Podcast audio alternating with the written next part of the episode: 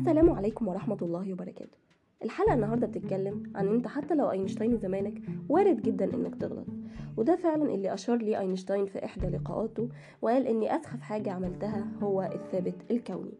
وده ثابت أشار ليه أينشتاين في النظرية في معادلة النظرية النسبية العامة. وقال إن الكون ثابت ما بيتحركش. لحد ما جه العالم ألكسندر فريدمان عام 1922 ووضع نموذج للكون المسطح. والنموذج ده بيتكلم عن طاقة الجاذبية والطاقة اللي جوه جرم ما اللي هي the dark energy. ببساطة كده تخيل إنك في مول ما وفي سلم كهربائي بيحركك لتحت.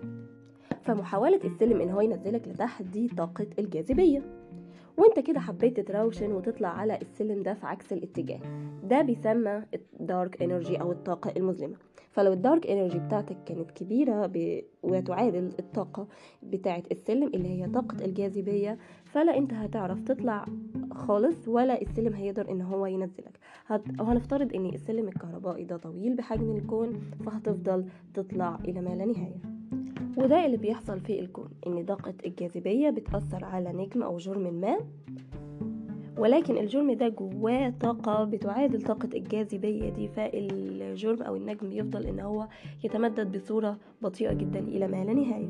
وده اللي أثبته العالم إدوين هابل لما قام بدراسة الموجات الصادرة من نجوم ما وليه إن الضوء الصادر منها يميل إلى الحمرة.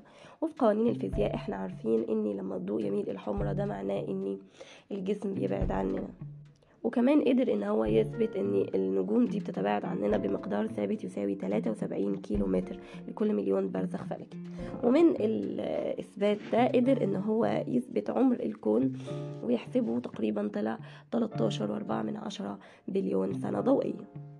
ولو أنت جبت بالون ونفخته والبالون ده عليه نقط ماء هتلاحظ إن النقط دي بتتباعد عن بعضها بمقدار ثابت لكن مش النقط هي اللي بتبعد. ده نفخ البالون أو التمدد بتاعه هو اللي بيسبب التباعد ده. وده فعلا اللي بيحصل في الكون. الكون نفسه هو اللي بيتمدد. وده اللي بيسبب تباعد المجرات أو النجوم عن بعضها البعض. أتمنى تكون الحلقة عجبتكم واستفدتوا منها. تابعونا في الحلقات الجاية. كانت معكم سنة أحمد ماهر. باي باي.